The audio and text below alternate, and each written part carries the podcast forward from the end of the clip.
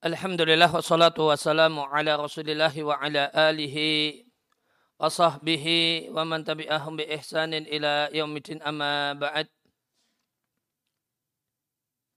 Kaum muslimin dan muslimah rahimani wa rahimakumullah. Kembali kita lanjutkan membaca dan mentelaah eh, kitab Tazkiratus Sami wal Mutakallim fi Adabil Alim wal Muta'allim karya Badruddin Ibnu Jamaah Asy-Syafi'i rahimallahu rahmatan wasi'ah. Kita masih pada uh, penjelasan untuk adab yang ketujuh.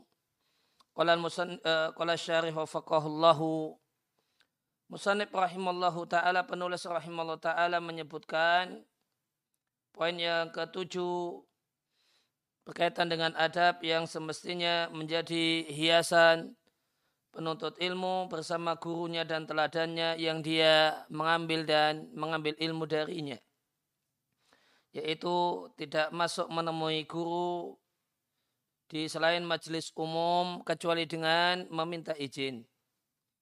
Yang dimaksud dengan majelis umum adalah majelis yang seorang guru di majelis tersebut menampakkan diri kepada banyak orang kepada orang kafatan seluruhnya. Dengan beliau duduk di kursi ya, pengajarannya atau di majelis di masjidnya atau yang lain. Yang jelas memang itu adalah forum yang terbuka untuk umum. Adapun kondisi selain itu, maka itu yang dimaksud dengan majelis khusus. Maka jika guru itu di selain majelis umum, maka tidaklah sepatutnya murid itu masuk menemuinya kecuali dengan meminta izin kepadanya.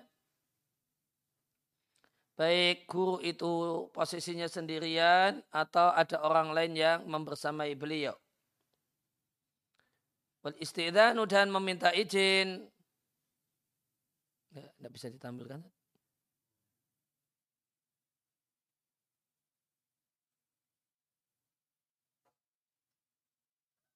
Wal istidanu dan meminta izin itu adalah bagian dari adab syariah, adab syar'i. Al-muqarrarah yang sudah baku dengan dalil-dalilnya dari Al-Quran dan hadis. Maka jika seorang murid telah meminta izin untuk berjumpa gurunya, bihaisu ya'lamu syekhu dan guru tahu ada orang yang meminta izin namun tidak mengizinkan semestinya insorofa pulang dan tidak mengulang dan tidak mengulang-ulang e, meminta izin. Artinya jika murid itu kotoa sudah bisa memastikan bahasanya guru mengetahui adanya orang yang meminta izin untuk bertemu, untuk masuk, namun beliau tidak mengizinkannya, beliau tidak merespon dengan mengatakan udhul, silahkan masuk atau kalimat semacam itu. Fa'innahu yarji'u, maka hendaknya murid ini pulang dan tidak mengulang-ulang isti'danahu permintaan izin. Dan jika murid itu ragu-ragu apakah gurunya tahu ataukah tidak, artinya terbetik dalam dirinya sangkaan kuat atau yakin, bahasanya guru tidaklah mendengar uh, permintaan izin permintaan izin maka janganlah lebih dalam meminta izin janganlah lebih dari tiga kali atau tiga kali ketukan atau tiga kali pukulan dengan uh, halqah dengan uh, cincin besi untuk meminta izin. Yang dimaksud dengan halqah adalah semacam cincin besi uh, lingkaran besi alat takunu maudu'atan fil babi yang uh, yang ada di pintu lidarbi biha untuk di, di halqah tadi lingkaran besi tadi dipukulkan dengannya Eh, dipukulkan ke pintu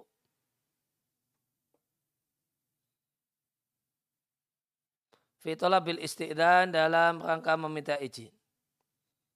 Eh, Lianal istidan karena meminta izin menurut syariat itu berakhir sebagaimana dalam hadis dari sahabat Abu Sa'id Al-Khudri radhiallahu anhu berakhir pada tiga kali maksimal tiga kali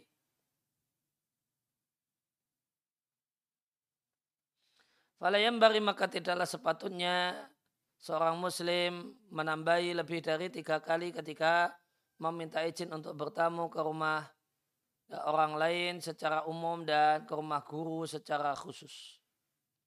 Kemudian mengetuk pintu itu dengan lirih di anaudalon karena hal itu menunjukkan kelembutan jiwa dan bagusnya adab. Fa'inal muta'addiba layati minhu karena orang yang beradab. Layati minhu ilal latiful khafif. Ya, tidaklah muncul, tidaklah datang darinya atau muncul darinya kecuali perbuatan yang lembut, al-khafif, perbuatan yang lembut, wadalah ikubihi dan itulah yang layak baginya. Maka hendaknya mengetuk pintu itu dengan lembut, tidak keras. Wa aula dalika dan ketukan yang paling utama adalah makan akhfadahu yang paling lirih dengan menggunakan kuku jari yaitu dengan uh, ruasa dengan kepalanya kuku dengan ujung kuku anasyidah yang uh, meninggi anha dari uh, dari uh, dari kuku dengan menggunakan ujung-ujung kuku. Wahada ruya fihi diriatkan dalam masalah ini satu hadis yang mengatakan kalau para sahabat itu mengotok pintu rumah Nabi dengan menggunakan ujung-ujung kukunya. Namun menurut saya Soleh al-Usaimi la yasihu ani Nabi sallallahu alaihi wasallam Hadisnya tidak sahih dari Nabi Shallallahu Alaihi Wasallam.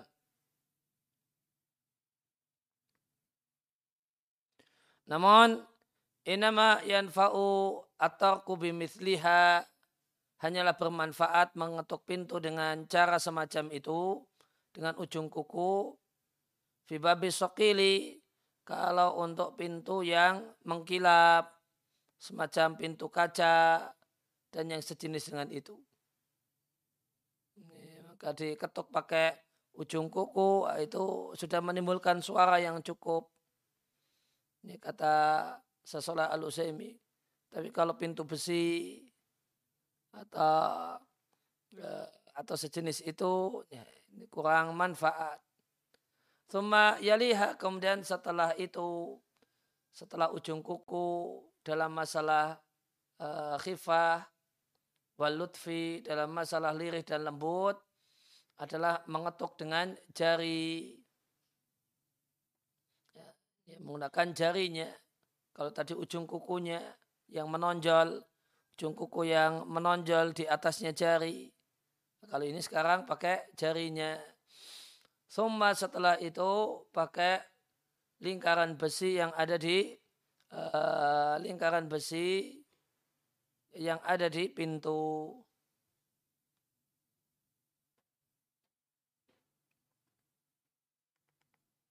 Coba mungkin ada gambarnya di Google.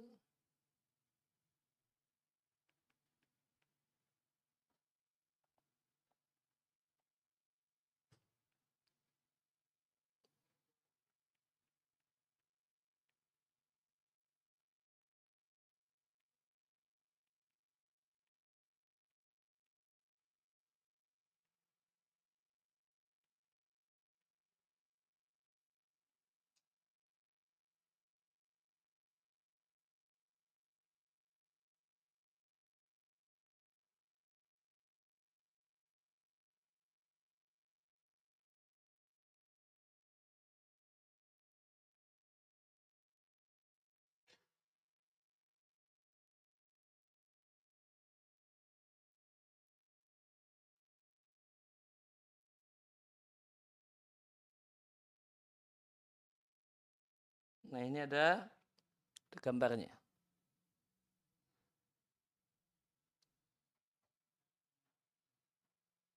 Ya, ada ada uh, ada uh, lingkaran lingkaran besi di ya, nempel di pintu.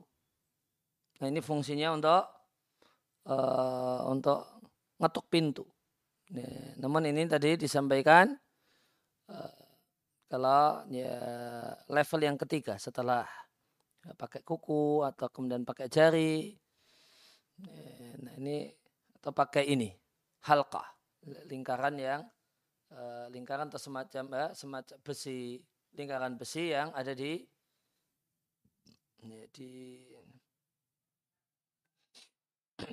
yang ada di daun pintu. Kalau di Google ini sampaikan ini pintu di masa Utsmani.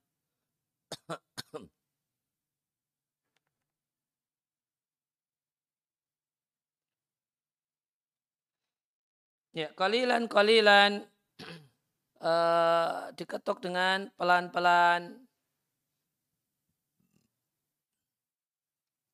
Faikan al-maudi'u ba'idan anil bab jika posisinya jauh dari pintu dan dari uh, lingkaran besi di pintu maka tidak mengapa birof idalika manakala dikeraskan dengan seukur bisa uh, memperdengarkan ya, suaranya tanpa lebih dari itu.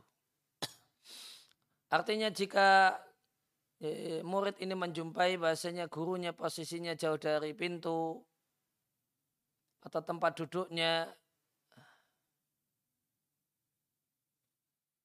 atau majlisu ma'a halqatihi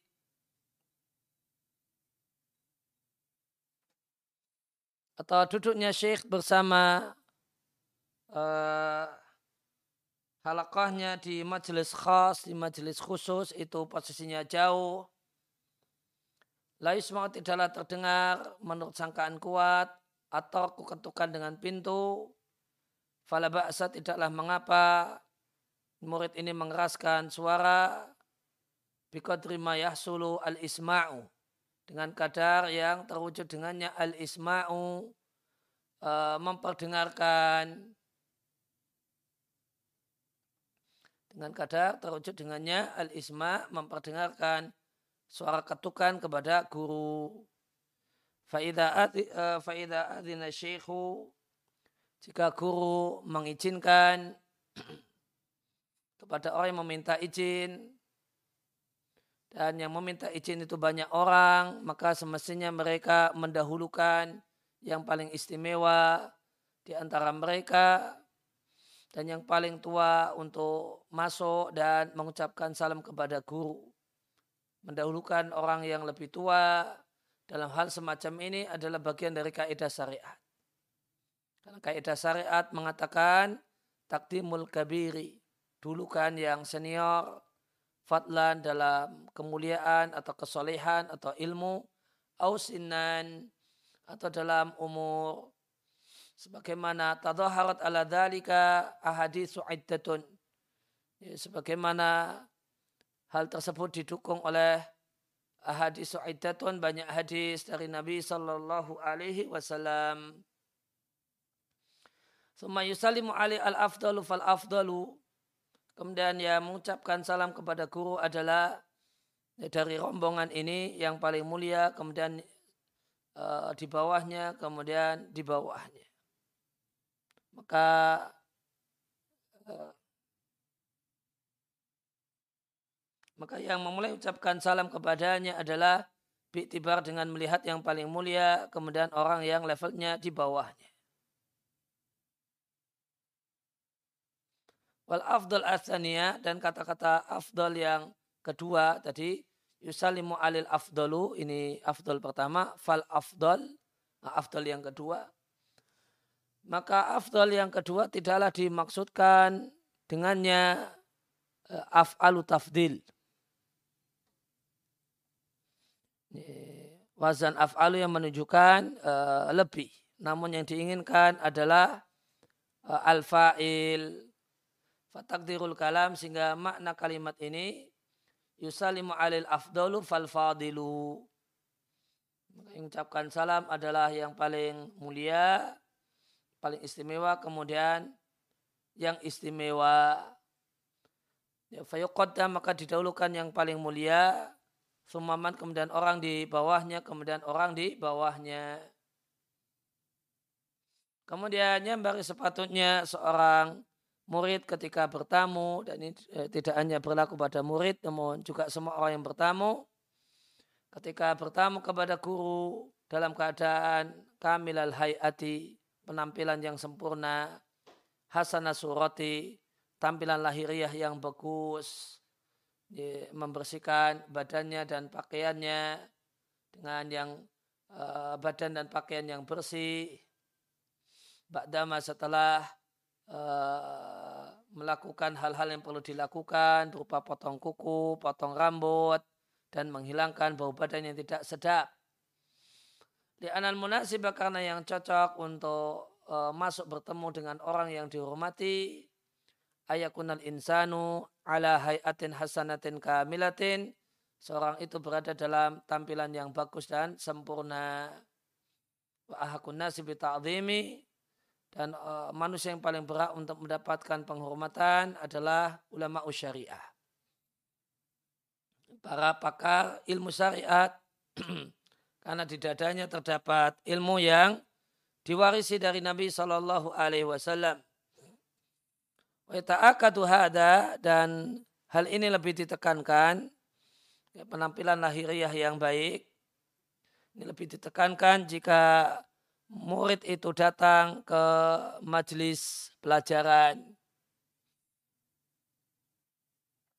Maka jika eh, kepergian, keberangkatan murid ini menuju gurunya dan mau kumpul dengan gurunya itu di majelis pelajaran, fa'inau yata'akadu maka ditekankan untuk murid ini ditekankan ayakuna kamilal hayati dalam kondisi penampilan ya penampilan fisik yang paling sempurna membersihkan badan dan pakaiannya dengan nadifahuma badan dan pakaian yang bersih.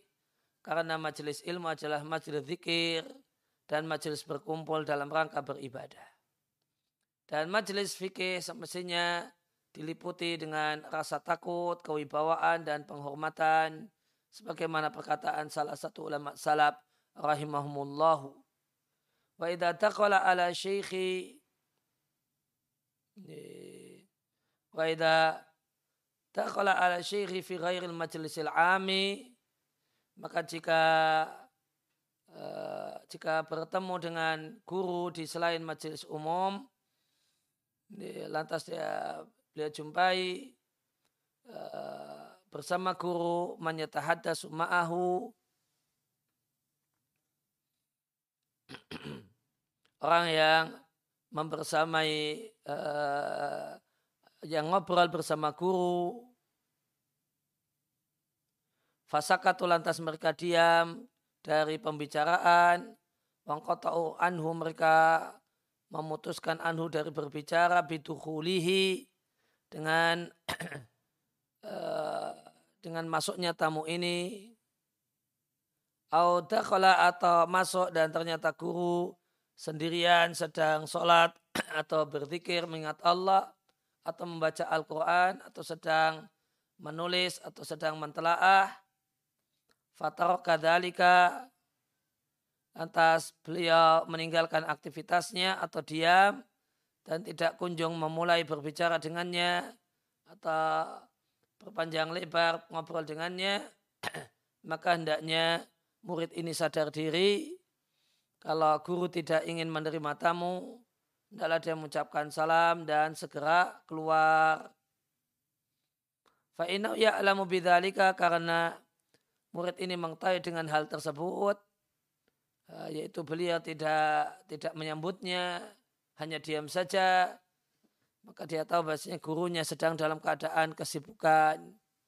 Wal masrulu la yusghal dan uh, orang yang uh, sedang, uh, orang yang sibuk semestinya layus kalau tidak ditambahi dengan kesibukan. Maka di antara adab yang indah adalah seorang itu pulang meninggalkan gurunya ketika itu uh, wala siyama lebih-lebih lagi jika guru menampakkan kepadanya uh, udhurnya sehingga tidak menyambut dengan menyampaikan kepadanya kalau dia munsarilan sedang sibuk. Maka di antara adab yang indah wa kamali dhauqih as-salim dan perasaan yang sempurna, perasaan sehat yang sempurna adalah hendaknya murid mengambil udur gurunya dan memaklumi gurunya dan dan memilih-milih waktu yang lain yang di waktu lain tersebut dia bisa berkumpul bersama gurunya ketika gurunya tidak dalam kesibukan. Ya, maka ini ada satu kata yang menarik untuk diperhatikan dan dicermati. Kita jumpai di antara ada kalimat di antara adab yang indah dan perasaan yang perasaan normal yang sempurna.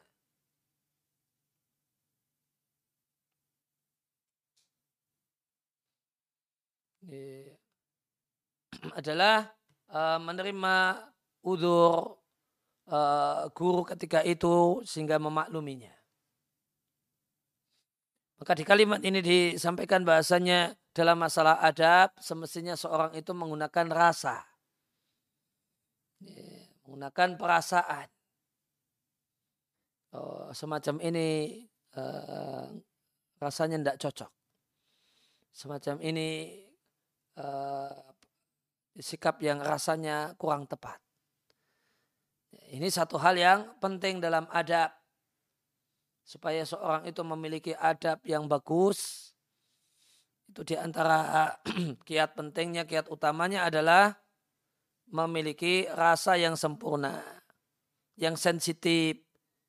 Seperti ini sikap yang kurang bagus, seperti ini tutur kata yang kurang pas, seperti ini adalah tindakan yang tidak cocok dalam sikon semacam ini, di konteks semacam ini. Jadi uh, Ini di antara piranti penting, ya, piranti penting agar seorang memiliki adab yang bagus. Itu punya perasaan yang sempurna. Ya, perasaan itu dipakai, ya, perasaan itu dipakai dalam uh, dalam bab adab.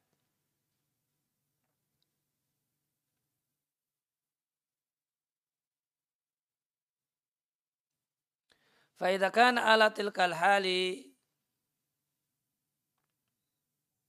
maka jika dalam keadaan demikian watakola yang murid sudah masuk wassalam ada mengucapkan salam ternyata gurunya sedang sibuk falyakhud syariat maka adalah cepat-cepat pamitan. Di anna makana fi syikhuhu minad dalail wal alamati. Karena ya, kondisi gurunya menadalail berupa uh, indikator wal alamat dan tanda-tanda semacam menghentikan obrolan atau menghentikan perkataan atau beliau sedang sholat atau berzikir menunjukkan ala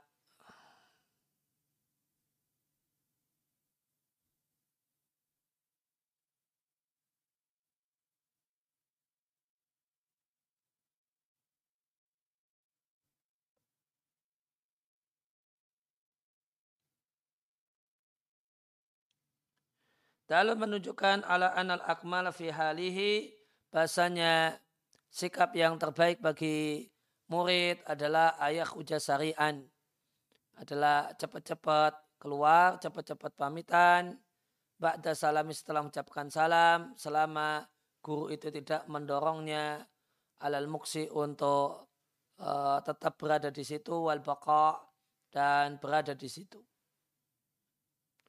Faidah hatsau ala dalika jika guru mendorongnya untuk tetap uh, di situ dan memerintahkannya untuk duduk, maka hendaknya duduk dalam rangka uh, mematuhi perintah guru. Thumma idza makatha dan jika duduk di situ, jika berada di situ, fala yutilu maka jangan berlama-lama kecuali jika guru memerintahkannya untuk berlama-lama. Di ana syikha karena guru la Allahu boleh jadi beliau memperhatikan keadaannya, uh, keadaan murid sehingga beliau mengizinkan uh, murid tersebut untuk duduk. Maka jika seorang murid itu duduk mengikuti izin gurunya dan menyenangkan perasaan gurunya, fala yang barilahu tidaklah sepatutnya bagi murid untuk uh, ayutilal mukta ingdahu uh, berlama-lama berada di tempat gurunya mulahatotan dalam rangka menimbang di adam qat'ihi ansurlihi menimbang guru itu tidak menghentikan kesibukannya. Dan sepatutnya ketika seorang guru, uh, seorang murid itu bertamu pada gurunya dan duduk di bersama gurunya dalam keadaan hatinya kosong dari berbagai macam kesibukan supaya sempurna perhatiannya kepada gurunya dan pikirannya itu jernih tidak dalam kondisi ngantuk, emosi atau sangat lapar atau sangat haus atau semacam itu supaya dadanya itu lapang untuk menerima apa yang disampaikan dan faham dengan apa yang dia apa yang dia dengar. Fa'ina idha ala halin naqisatin maka jika uh, murid ini masuk bertamu dalam kondisi yang tidak sempurna berupa hati yang sibuk atau pikiran yang terpecah belah, watasyatut dan tercerai berai, maka rubama boleh jadi lam yatahaya lahu tidaklah tersedia baginya uh, pemahaman yang baik apa yang disampaikan kepadanya dan dia tidak memahami apa yang dia dengar dari gurunya. Wa idha hadara makana syekhi dan jika murid itu hadir di tempat guru dan tidak menjumpai guru dalam keadaan duduk, maka murid hendaknya hendaknya murid itu menunggu guru supaya dia tidak kehilangan pelajaran. Maknanya jika siswa itu lebih dulu daripada gurunya mendatangi tempat kajian dan belum uh, menjumpai guru itu datang, maka sepatutnya dia tunggu gurunya jika telat dari waktu yang telah dijanjikan. Wal aslu dan pada prinsipnya murid itu datang ke ke pelajaran, ke kajian yang disampaikan oleh gurunya sebelum gurunya datang.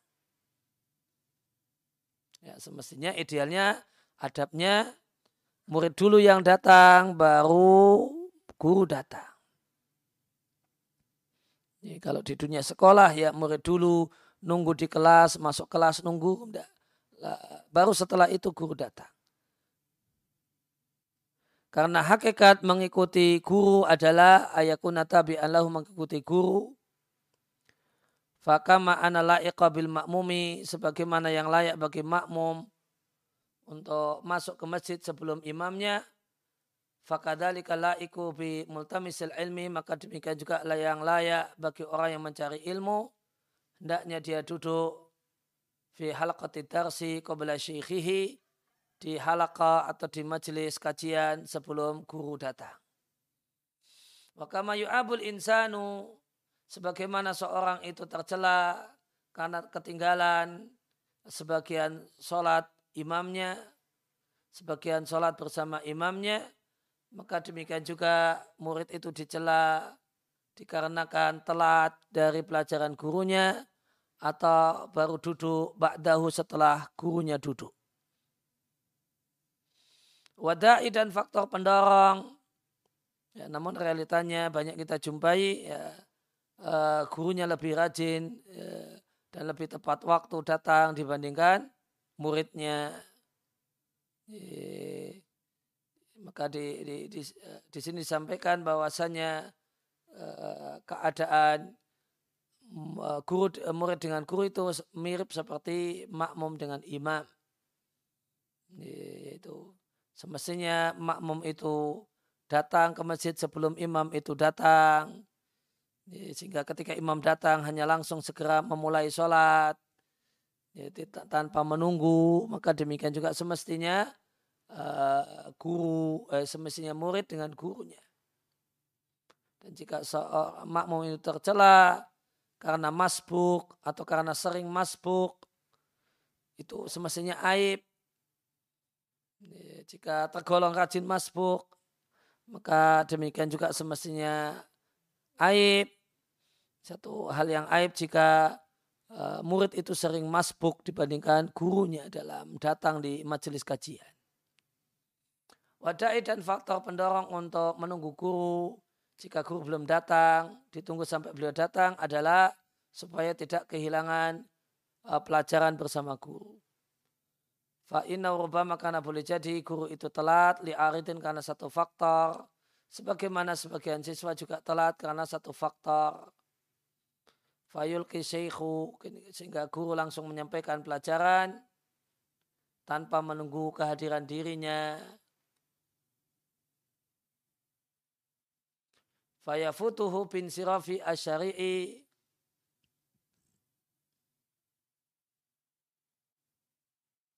maka terluput darinya dengan kepergiannya yang cepat apa ya ilmu yang disampaikan oleh uh, ilmu yang disampaikan oleh guru dan wakulu darsin yafutula iwadalahu dan setiap pelajaran yang terluput itu tidak ada gantinya fa'ina darsa karena pelajaran jika telah selesai syakat i'adatuhu alal muallimi. Maka sulit untuk diulangi oleh seorang guru. Wala yumkinu lil muta'alim dan tidak mungkin bagi murid untuk ayarji'a ilaihi untuk kembali kepadanya marotan ukhra kembali pada pelajaran yang telah berlalu tadi di kali berikutnya di kesempatan berikutnya Hada demikian. Wa in wujidat meskipun dijumpai uh, bentuk uh, pengulangan pelajaran karena adanya rekaman, namun tidak dijumpai uh, hakikat uh, hakikat pelajaran karena orang yang menyimak pelajaran dengan rekaman dan tidak hadir di majelisnya itu hakikatnya seperti orang yang makan tulang tanpa daging. Ini satu hal yang unik ini dari Sasola Al-Usaimi.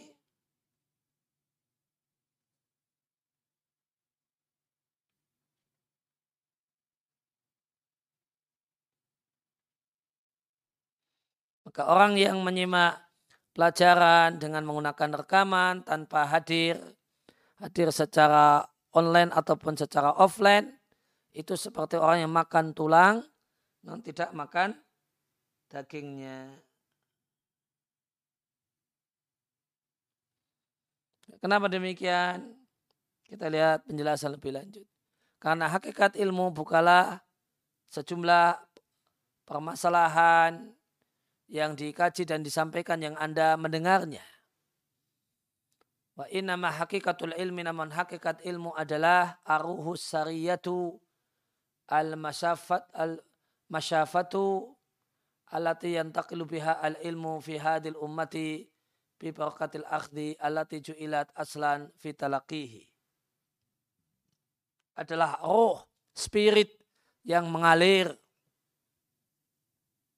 Asyafafah yang transparan. Yang dengan spirit ini ilmu itu berpindah, ilmu ini tertransfer. Fi hadil umat di di tengah-tengah umat ini dengan keberkahan.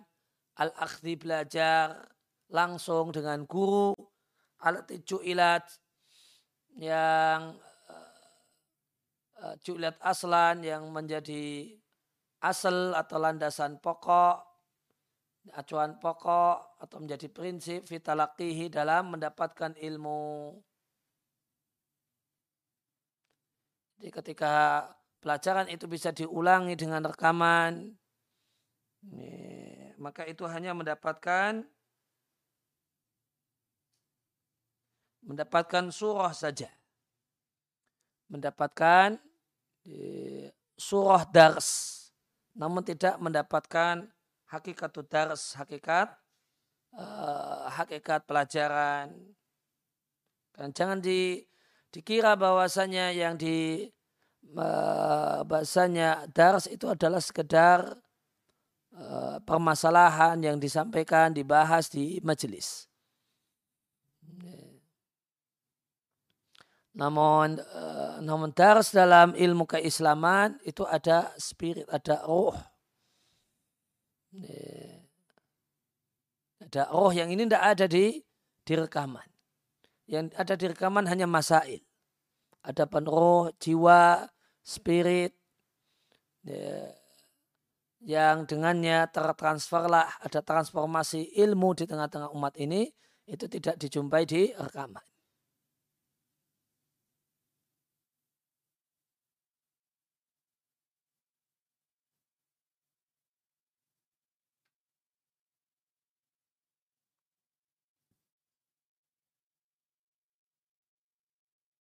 Ya, syafaf, ya, uh, transparan.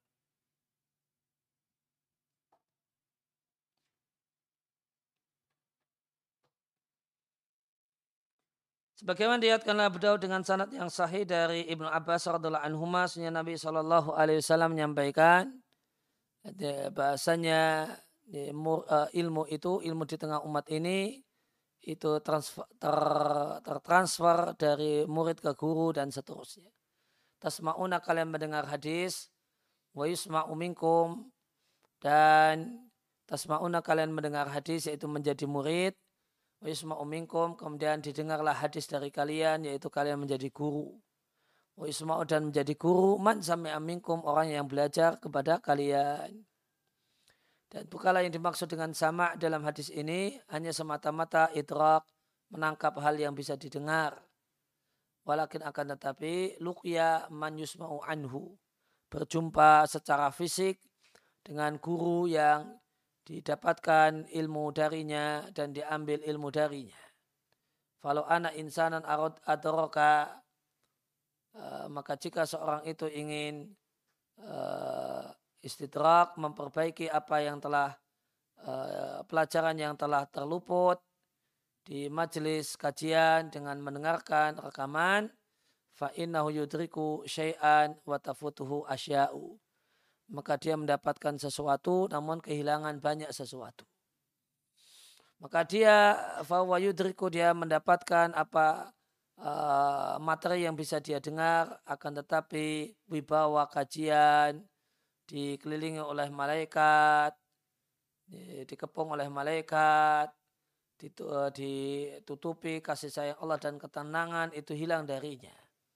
Fala yujad ingdahu hadal makna maka hal-hal semacam ini tidak dijumpai di uh, ya, tidak dijumpai pada orang yang mengulang pelajaran dengan rekaman dan kehilangan uh, majelis. Wakana Yazid ibn Harun Yazid ibn Harun rahimahullah taala yunshidu membacakan syair yang mengatakan man ghoba khoba siapa yang gaib siapa yang absen maka dia kecewa wa akala nasibul ashabu dan kawan-kawannya lah yang memakan bagiannya. Artinya jika seorang itu roba seorang itu uh, tidak hadir. Lah, lahiqathu khaybatun. Maka dia tertimpa kekecewaan karena hilangnya kebaikan dari dirinya. Sedangkan orang-orang yang serius orang yang sungguh-sungguh yang mengambil bagiannya. Qadiman dan dulu aku katakan Sasolah Usaimi punya kitab Tufatul Mulatafah fi nusi sohbati al-mulatifah. Beliau punya karya berjudul Tufatul Mulatofah. Di sana uh, beliau me menyusun syair yang bunyinya la tahzanu li fityatin taribu fahaduhum yahuzuhu al-aribu. Janganlah kalian sedih dengan adanya sejumlah orang yang tidak hadir, yang absen. Fahadu maka bagian mereka yang tidak hadir ini uh, diambil oleh al-aribu.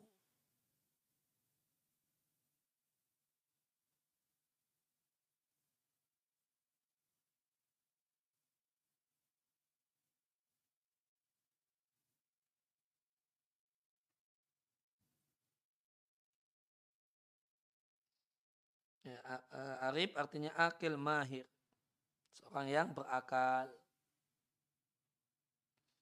Kemudian penulis rahimahullah ta'ala mengatakan ya menunggu tanpa mengetuk pintu supaya guru keluar menemuinya.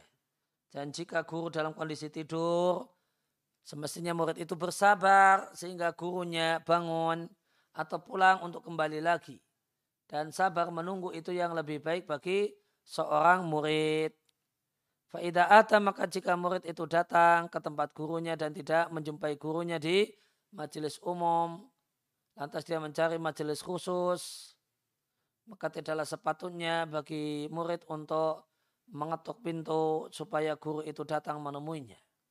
Dan jika guru dalam keadaan tidur di rumahnya atau di mihrabnya tempat ibadahnya di masjid, hendaknya murid sabar sampai guru itu bangun atau pulang atau murid ini pulang untuk kembali setelah itu dan bersabar menunggu itu yang lebih baik intidaran di syekhihi dalam rangka menunggu gurunya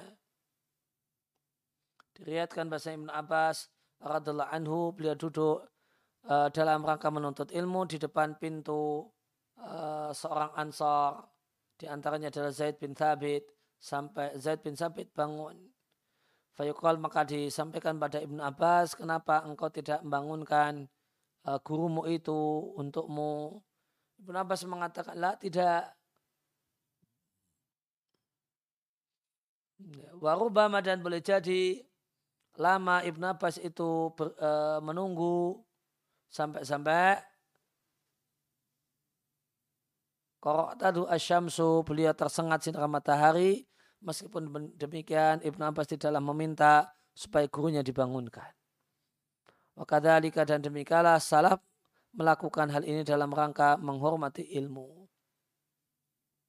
Dan adalah di antara da'ab kebiasaan Muhammad ibn Ishaq as-Saraj, seorang al-hafid pakar hadis, bahasanya karena ingdau beliau memiliki ahadis awalin, hadis-hadis yang ali. Ali itu sanatnya pendek. Beliau bersendirian meriatkannya di zamannya.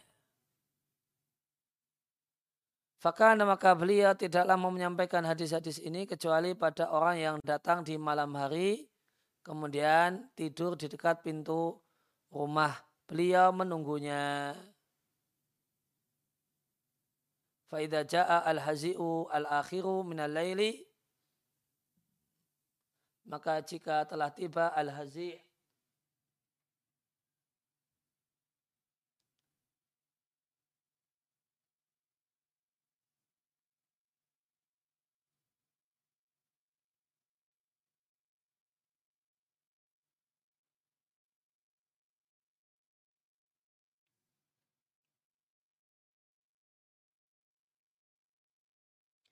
Hazib minal lail itu nahu asul arbu al awal minhu. Sepertiga atau seperempat pertama dari waktu malam.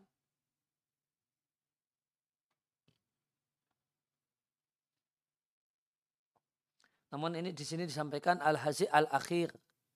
Dari sepertiga atau seperempat malam yang terakhir. Muhammad ibn Ishaq as-Sarat keluar dari rumah dan menyampaikan hadis-hadis itu. Wasuhira tilkal ahadis al awali maka hadis-hadis yang ali tadi yang pendek sanatnya itu populer dengan sebutan juz buku kumpulan hadis al baitutah ya nginep karena untuk cara untuk mendapatkannya harus nginap di depan pintu rumah guru Dan ini adalah juz'un matbu'un, satu buku yang tercetak.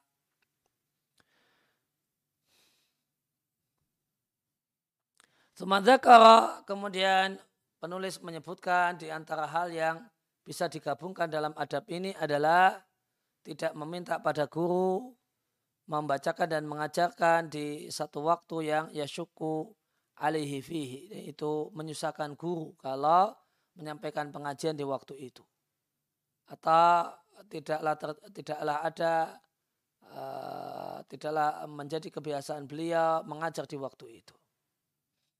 Memperhatikan hal ini adalah bagian dari adab yang indah bersama guru.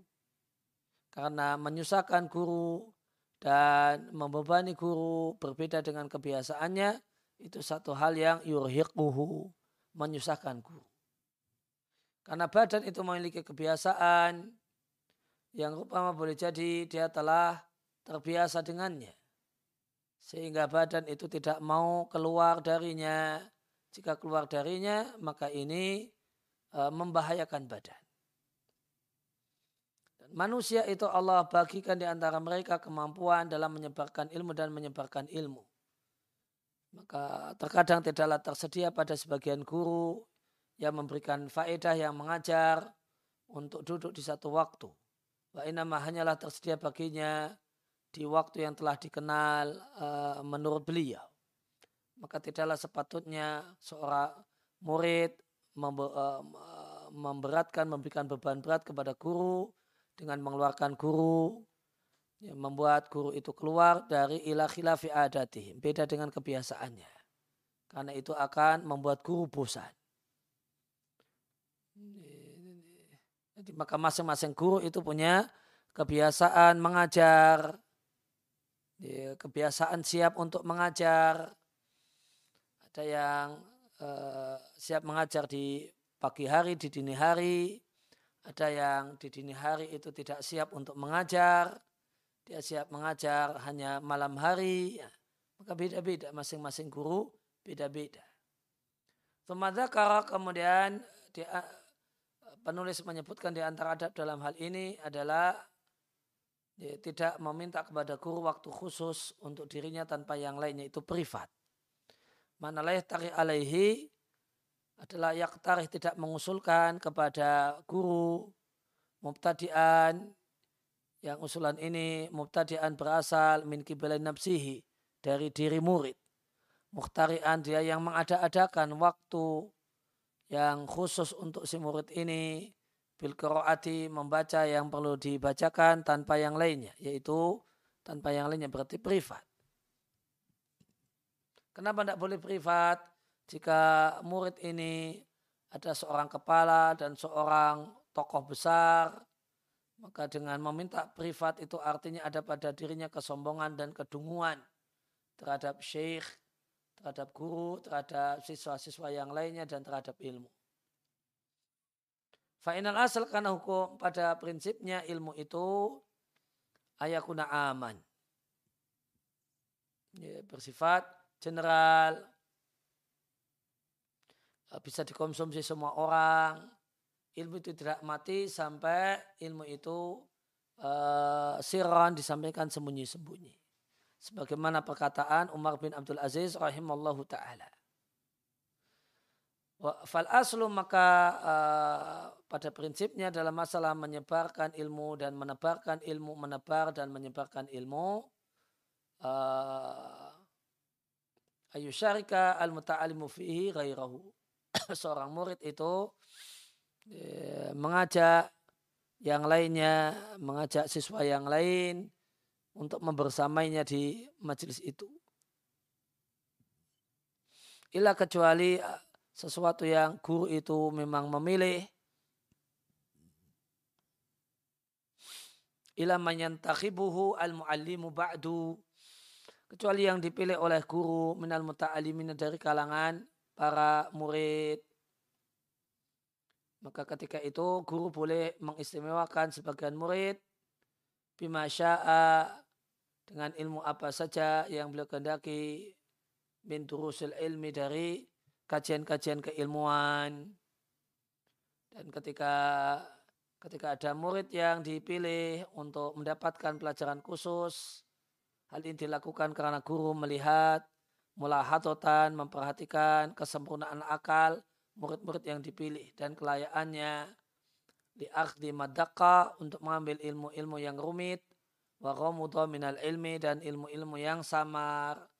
Yang membutuhkan orang-orang yang khusus untuk uh, bisa mempelajarinya dan memahaminya.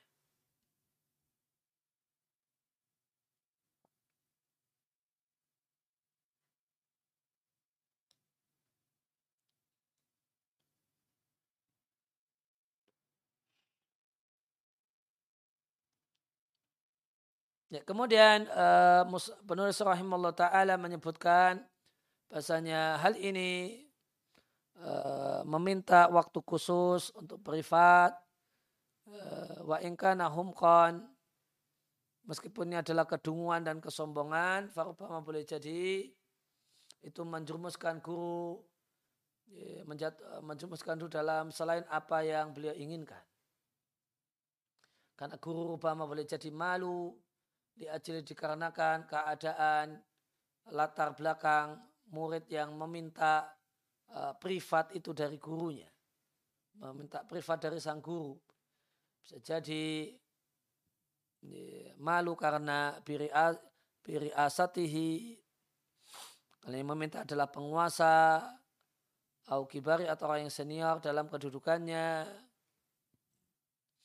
Atau karena dia adalah anak dari salah satu guru Eh, eh, yang mengajar guru ini sehingga berat baginya menolak permintaan anak gurunya maka dia terima hal itu eh, sehingga dia dia jadikan untuk orang yang meminta tadi kajian di waktu yang dia usulkan.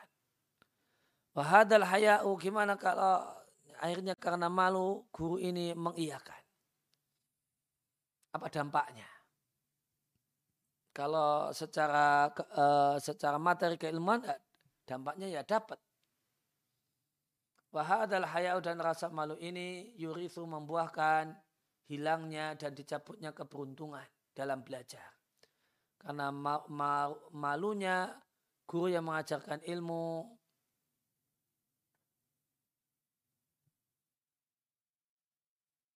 Berarti itu mengeluarkan guru dari apa yang jadi kecondongannya dan apa dari apa yang beliau sukai.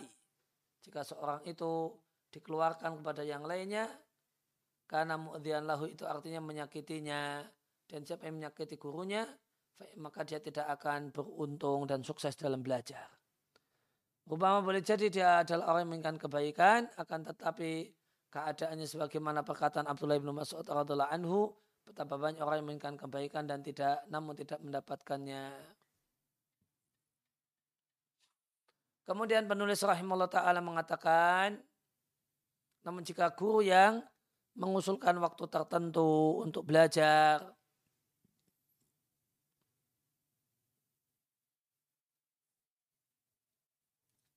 karena satu udur yang menghalangi guru untuk hadir dengan banyak orang, atau karena satu maslahat yang ditimbang oleh guru, maka ini tidak mengapa. Karena perkaranya ada di, keputusan ada di tangannya. Wa idza rataba syai'an minal awqati maka jika dia kaitkan satu waktu Wa idza rataba syai'an minal awqati jika dia menata satu waktu lima yada'u ilaihi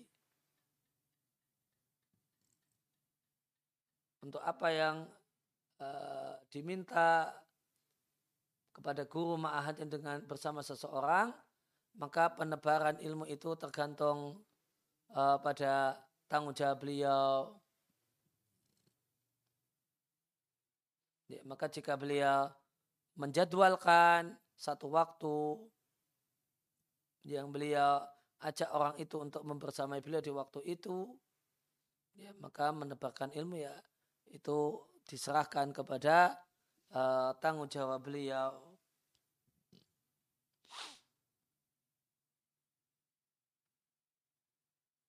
Waladi yang dan yang sepatutnya diperhatikan oleh orang yang duduk.